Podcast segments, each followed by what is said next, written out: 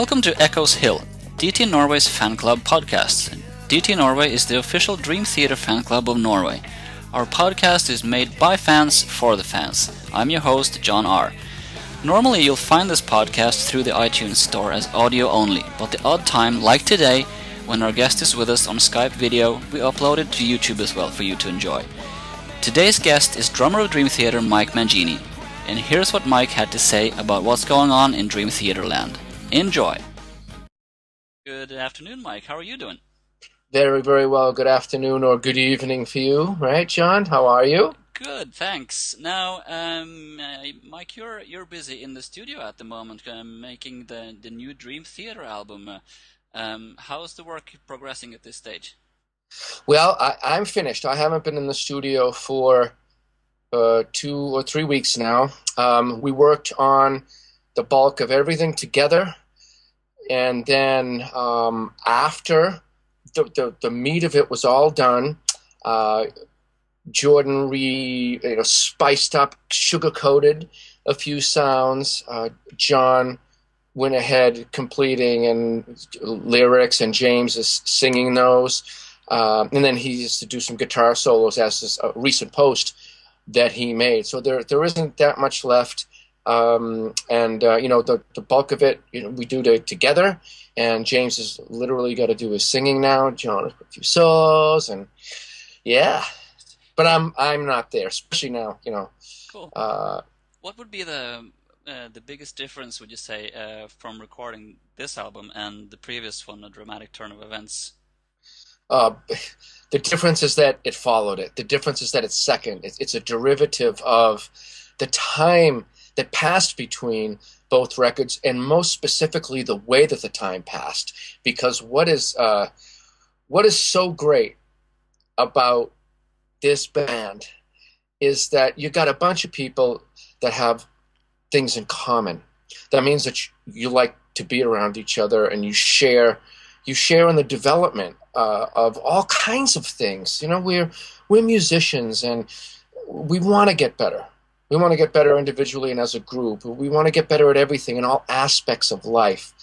You know, we want we want to make sure families are all well and happy because that makes it easier for us to be well and happy. So we're just progressing together, getting to know each other better, spending more time together um, through trials and tribulations and so forth. And you know, it's the way the way we handle things with each other that makes it so so nice. So that's the biggest difference. And of course, now that leads to more comfort for me in in the studio. I mean, I'm improvising uh, more in different situations, um, being quiet more than in my past. you know, just oh well, you get to know, you get to know uh, people, and when there's a genuine respect, you know, I'll, I'll, only good fruit's going to come from a good seed. So what I'm trying to say is that time has passed between the records. We spent and have spent a lot of time together. But the key is that people spending time together doesn't mean that everything works out. But when you share common goods, I guess, together, you have a common path together, it makes dealing with things um, more pleasant. So, uh, and obviously, the difference. The, for this record, you've been uh, you've been part of it from the very start. You're being being involved with uh, with the drums from the start. And do you um, do you take part in any of the writing of any of the other instruments, or are they will it be suggestions on how to arrange the songs and, and mainly your own drum parts that you focus on? Well, um, put it this way: the way Dream Theater operated before a dramatic turn of events is the way it's operating now. A dramatic turn of events was it's, it's so funny it's called that. It was literally that. It was just change in different ways you know? But look at we affect each other in different ways. So when we're in a room together you know nobody picks up each other's instruments but there are different ways that you affect each other.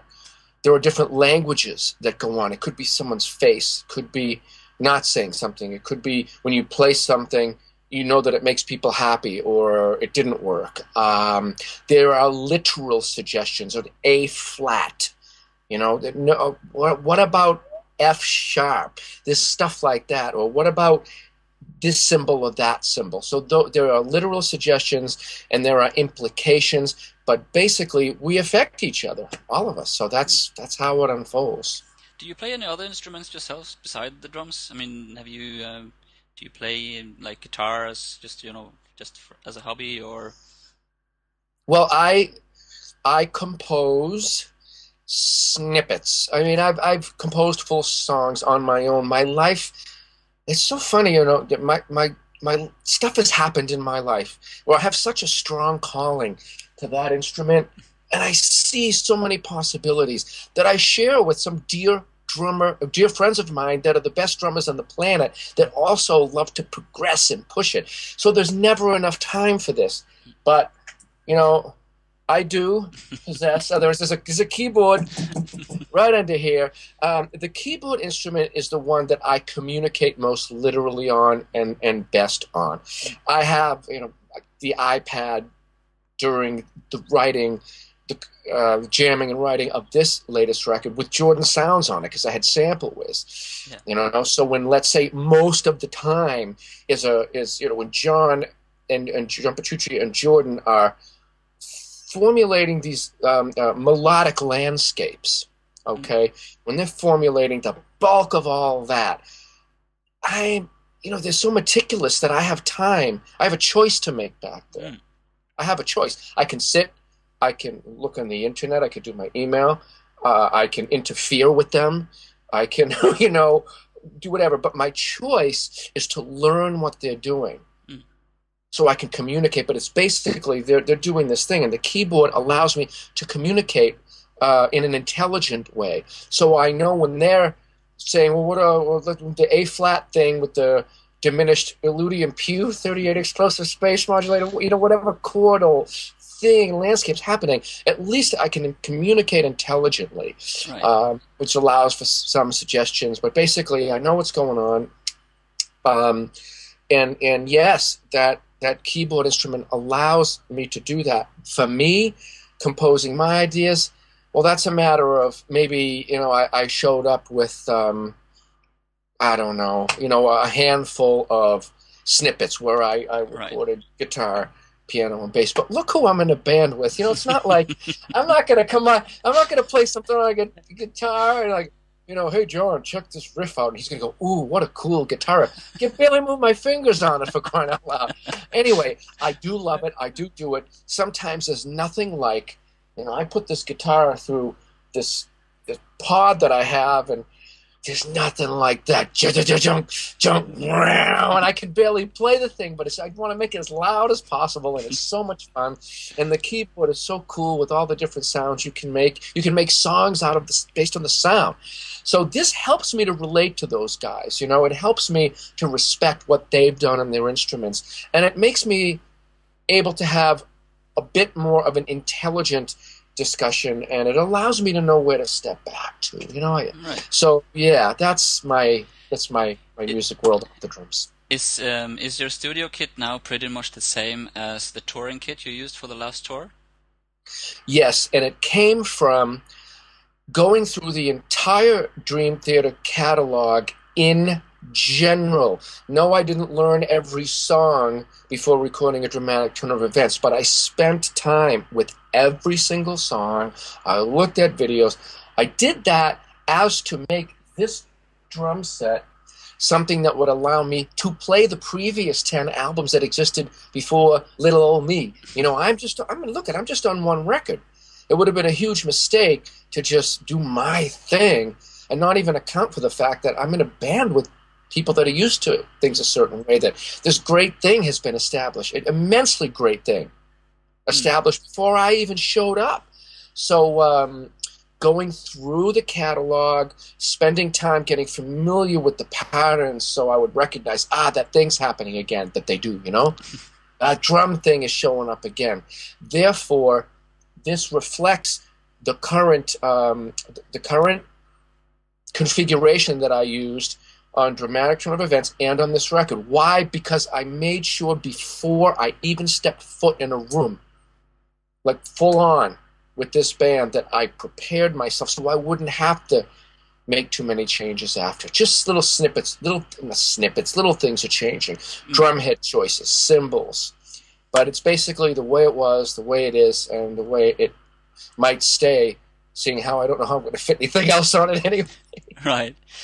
Uh, Jordan said in a recent interview that you know you're you're a mathematical genius when it comes to uh, putting together the, the, the rhythmic counting and so on in the songs, and uh, and that you bring a lot of new ideas to the table, um, um, having the the experience and the knowledge that you have.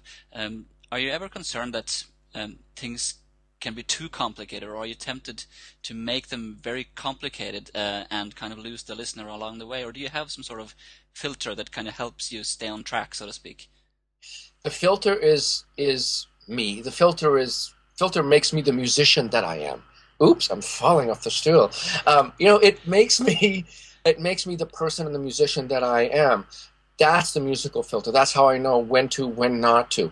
But it's not just me. I've always been in situations where there are other people, and well, outside of a drum clinic and drum solo, I guess. But um, uh, there are four other people in this band, so there are more filters. And then we have, you know, our engineer Rich is there listening, and he's making uh, comments, suggestions, and observations. So there are five more filters that are helping me. But with regard to what Jordan said, I have to, you know, the word genius, I mean, it's in jest and funny. It kind of goes with my last name, you know. And I've been don't called be modest. That. Don't be modest. I've been called. But look at, look at. You can't call someone a genius that can't operate a sippy cup. I, I, there are things I can't figure out how to do. That my, one of my kids will say, "Daddy,". I was like, "What?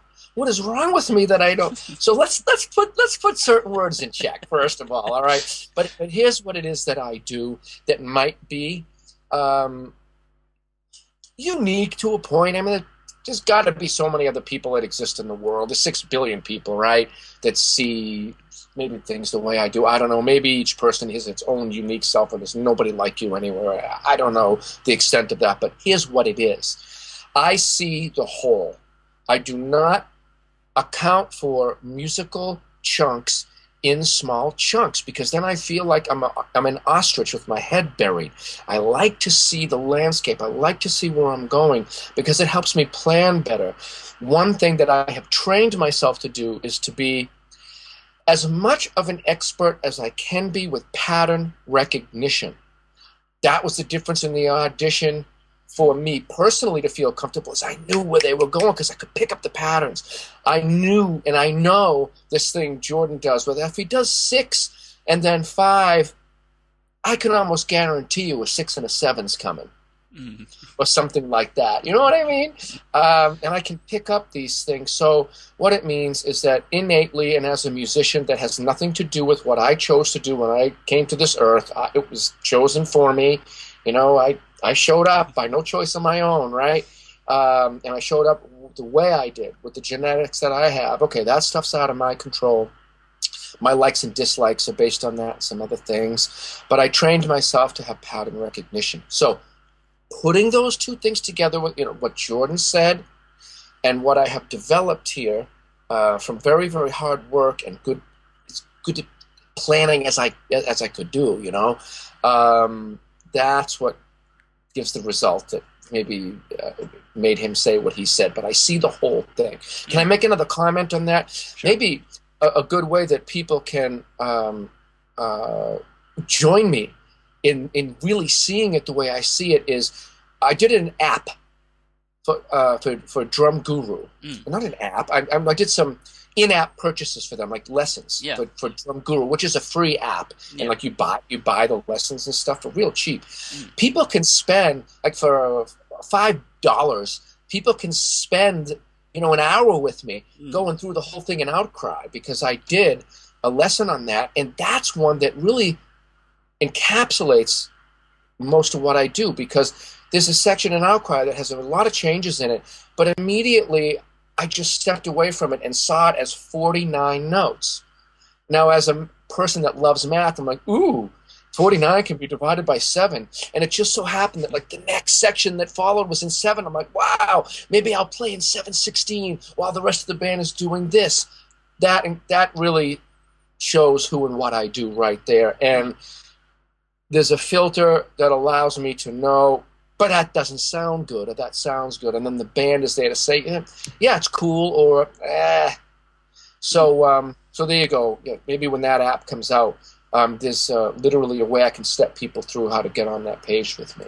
Cool. The creative energy that you're describing uh, between uh, the band members, um, the the need or the urge to write new parts, did that already start uh, during the tour? Did you write any of the parts for the new album whilst you were on tour, or was it mainly done when you entered the studio? It meaning what everyone's going to hear was mainly done when we entered the studio. However, like the comment I made before, where there's a good seed, there's good fruit. What was important about the tour and being together uh, was a bunch of people wanting to get to their instruments to be together. And it could have been in the dressing room, it could have been Jordan doing some kind of warm up and jam and James singing something with him, or John and John, or John and Jordan, or Jordan and me, or, whatever to uh, birth mm-hmm. something. The point is that out of all those ideas, the thing that came from it was the camaraderie and the comfort. Uh, so whether or not literally any of those got used isn't as important as the process became comfortable and uh, easy and fun. Mm. So um, literally, most everything was burnt there, but an important seed was planted before we all got in there. And um, with the new live DVD coming out, I guess the audience will also be able to take part in a lot of the, the stuff that goes on when you're on tour because there's a big section on kind of behind the scenes and what goes on uh, off stage as well as the the two nights that you recorded in Buenos Aires. Yeah, I mean, is it, actually there's so much, there's so much there that I know everybody's waiting. Where's the DVD? I'm a, man. Uh, just, just let me put it this way about where is it and you know whatever.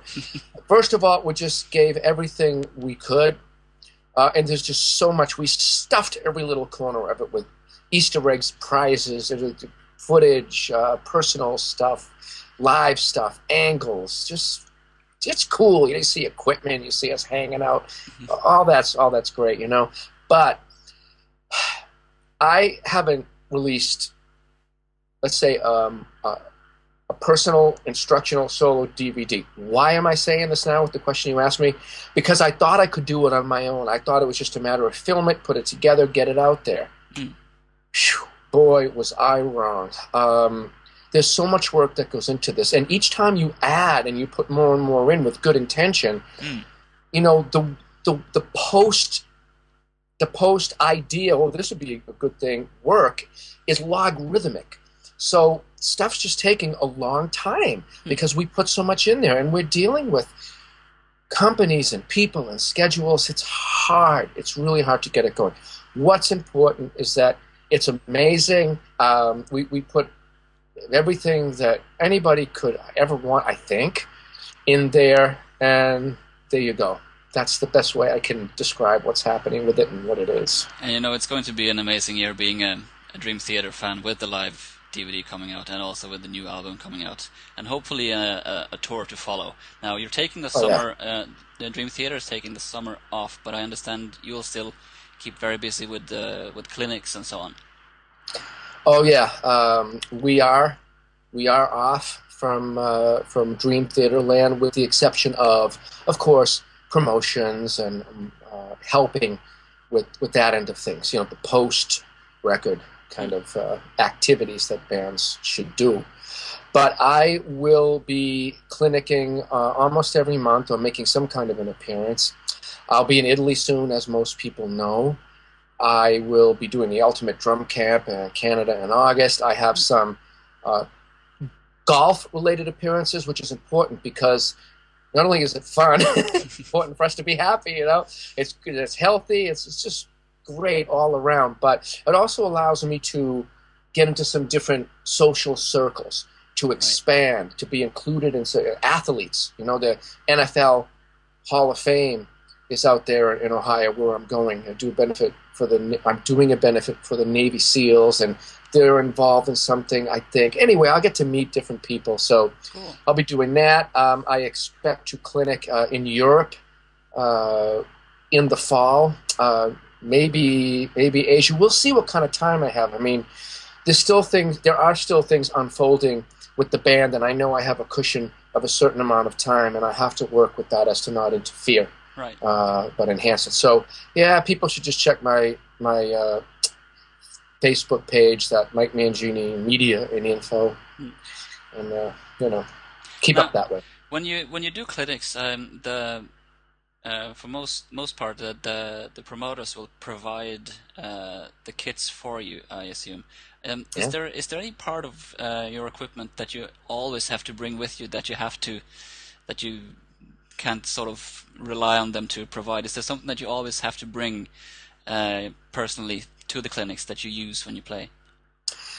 Yes, I always have to have um, two devices with the tracks with a couple of cords and my drumsticks and inner ear monitors. From there, everything else I can adjust because look at you know, just the Dream Theater kit's not gonna show up at most clinics. I mean, once in a while, yeah. the equipment gets added in, and it's feasible, it's uh, doable, it's uh, it can be done in a way that uh, cooperates with everybody, doesn't stress anyone out too much. So, in general, I am prepared to play on a four-piece drum set with a double pedal, as long as my as long as I have my sticks and my inner ear monitors, um, and I can connect everything. That's what I'll take every single time. Cool. Um, do you plan on filming some of the um, uh, clinics for later releases, or uh, or will they be purely um, like one night performances, so to speak? Well, I will probably record them all. As far as releases are concerned, I think uh, with that kind of thing, that it, it's just if I do it, I give it away anyway. Hmm.